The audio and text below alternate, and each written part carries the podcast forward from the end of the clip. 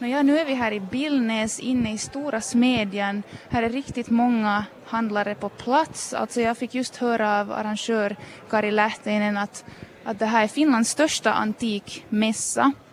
Och det är alltså sjätte gången förstår jag som de ordnar det här.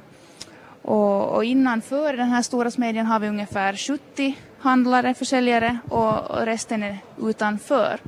Och jag står här vid, vid några möbler och, och med mig har jag Stefan Pajanen som har en egen antikaffär i Ingo. Hejsan Stefan. No, hej. Uh, vad har du för filis här inför dagens försäljning? No, förväntningarna är ju förstås stora som det alltid är i dagen när mässorna öppnas men jag skulle nu tippa att i dagens läge så kommer affärerna att gå bra. Och kan du berätta lite om vad du har för föremål här som du säljer? Det är ju alltid att fundera att vad man ska ta med till mässorna. Den här gången tog jag med sådana här 50-60-tals möbler och, och prydnadsföremål och hoppas att jag har gjort rätt val det här året. Så du tycker själv alltså att, att 60-talet kanske är det bästa talet?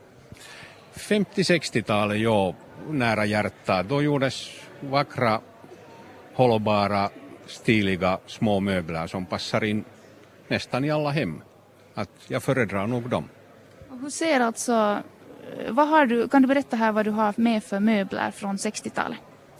No, här är radiobord och, och soffbord och serveringsvagnar och stolar. Att här är möbler från Danmark och Sverige och förstås Finland. Att det är skandinavisk design från den finaste tiden. Och om vi går lite, jag, jag fick syn på en riktigt intressant grej där. Det ser ut som en, en gammal telefon. Och det är en riktigt gammal telefon. Det är en svensk Ericssons telefon från 30-talet. Och, och tyvärr så kan man ju inte hemskt mycket ringa med dem mera men det är ju en vacker prydnadsföremål. Hur värderar man ett, ett sånt fint gammalt objekt? No, värdering är ju alltid en fråga för, för antik och, och annat. Att, att värde är förstås det som någon är färdig att betala för det. Att det finns ju inte någon, någon lista var man kan checka att vad, vad är priset för den här men förstås erfarenheten hämtar med sig en viss kännedom och, och sen är det ju det att vad någon är färdig att betala för den så det är värdet. Men att du som är expert så, så vet kanske lite mer än, än kunderna som går och tittar här. Att vad, vad brukar, hur brukar förhandlingen se ut när man pratar om att, att ska jag köpa den här stolen? Det, var, det var en krånglig fråga. alltså, du inte håller på att pruta?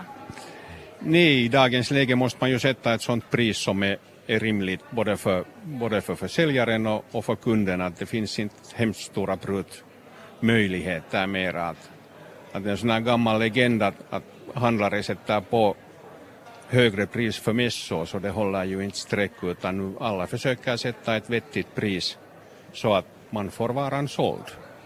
Att det är ju det.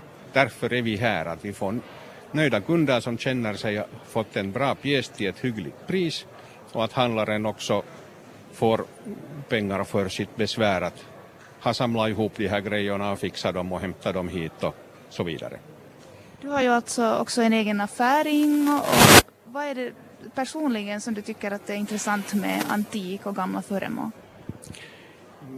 Det måste säkert vara något fel i huvudet att man blir kär i den här branschen överhuvudtaget. Att, att det, är ju liksom inte, det är ju inte en vettig bransch, att det här är bara en livsstil och kärlek för möbler.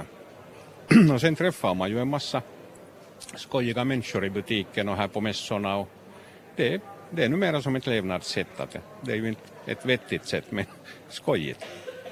Jag pratade just där i Fiskar som att, att begreppet antikt, vad som är antikt, har lite ändrats så här i vår tid. Att nu är det inte lika tarka mer att, att ska det vara 100 eller 150 år gammalt. Men vad, vad är din åsikt om det? Nu skulle jag nästan hålla mig till det här 100 år. Att det, det är nu tillräckligt brett åratal för att, för att då får man en möbler som gjordes i början av 1900-talet, alltså jugendtiden så jag håller dem nog som antikmöbler men sen inte sen saker som kommer efter det att sen får vi igen vänta en tid att det kommer nya stilar med i antikbegreppet. Ser du annars några trender, någonting som har ändrat under dina år som antikhandlare? Att, att vad är det folk är ute efter?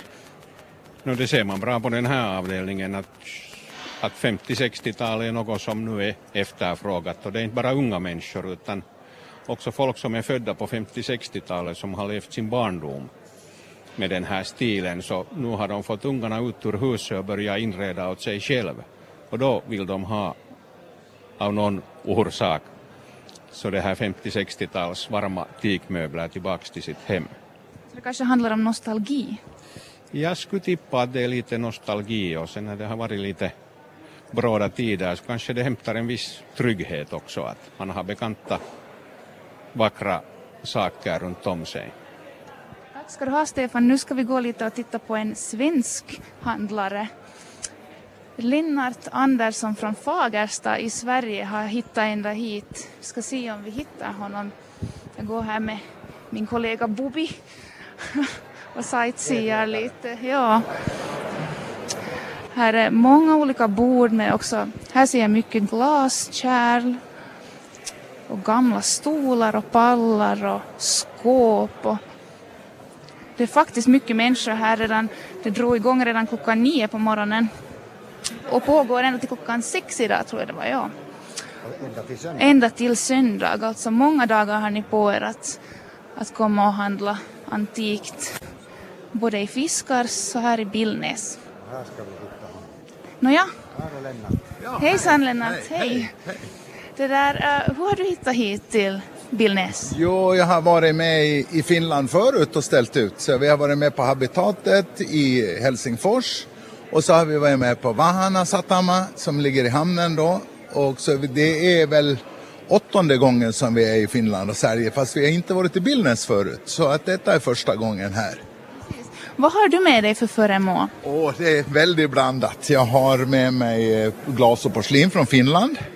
Varifrån i Finland? Från Finland, ja det är Rihemäki och det är Arabia och det är från eh, eh, olika finska glasbruk mest mycket. Och sen så har vi med oss allmogeföremål och sen så har vi med oss mycket kopparsaker. Kan du visa mig någonting speciellt som du tycker att har en rolig berättelse bakom sig? Ja, kan jag göra. Vi ska titta här borta då. Gå lite... Om man, om man bor och är i nära skärgården så är, och är intresserad av jakt eller bara bor i skärgården så är det väldigt vanligt för på 1800-talet när man jagade fågel så hade man vättar eller lurfåglar som man hade och la ut för att andra fåglar skulle komma och landa. Och i, det, de är svårare och svårare att få tag på och jag är väldigt stolt över en jättestor samling som jag har med mig. Så jag har lock, många lockfåglar med mig av olika slag. Och det, det som är roligt, man kan berätta vad det är för någonting. Det är knipor, det är en bergand, det är en svärta och en gräsand. Så det är, man vet vad det är för fåglar då. Så då hade man dem för att locka ner dem när de satt och skulle jaga. Så de är eftertraktade idag? Ja, det hoppas jag. Jo, men det är de. De är, de är svåra att få tag på och samla föremål. Jag hade en dam här för en liten stund sedan som berättade att hon hade flera som satt efter taket hemma som hon hade att visa upp. Alltså. Vad ser du mest fram emot idag? Nej, men det, det är roligt att vara i Finland bara. Jag trivs bra här och jag tycker att det är roligt. Så att eh, jag hoppas att det ska bli en bra dag och att folk ska trivas. Det är det, det, det, och tycka att man har bra saker med sig. Det, det är viktigt för mig. Att man uppskattar att man kommer hit och har annorlunda saker med sig. Ser du själv några skillnader sådär mellan vad svenskar tycker om och vad finnar värdesätter? Nej, egentligen inte. Utan det är nog ganska likt alltså. Och, så att, eh, man, sen blir det kanske lite lätt så att man faller in i ett fack. När man kommer hit så har jag med mig kanske lite mera finskt. Eh, för att jag just är i Finland. Annars så, så det är det enda som är skillnad. Alltså. Och jag har inte så många svenska saker, alltså sådana eh, glas och porslin. Jag tar inte, har inte tagit med mig Gustavsberg och Rörstrand hit utan då är det istället Arabia som, som, som gäller då. Så att det är skillnaden. Annars så, så tycker jag att jag säljer samma sak i Sverige faktiskt. på mässorna där. Hur länge har du hållit på med, med antikförsäljning och vad är det som intresserar? Alldeles för länge. Jag har hållit på sedan 1976. Så vad blir det nu då? 42 år har jag hållit på med det här. Så det är en livsstil? Ja det är det. Det är mera så. Så att man lever väl. Man, man föddes till det här och dör med det här antagligen. Som du ser så är det ju många som är äldre som är med och fortfarande kämpar fast man kanske har passerat pensionsgränsen och så. Men eh, det är ju en fantastiskt roligt. Det är ju en ynnest att kunna få göra så här. Andra åker till Finland på semester och jag åker hit och jobbar. det är det som är skillnaden. Det är, vi, har, vi har ju väldigt tur egentligen. Då hoppas jag att du har en lyckad dag och mässa. Tack snälla, tack snälla. Kitos, kitos. Tack ska du ha. Det var Lennart Andersson från Fagersta i Sverige.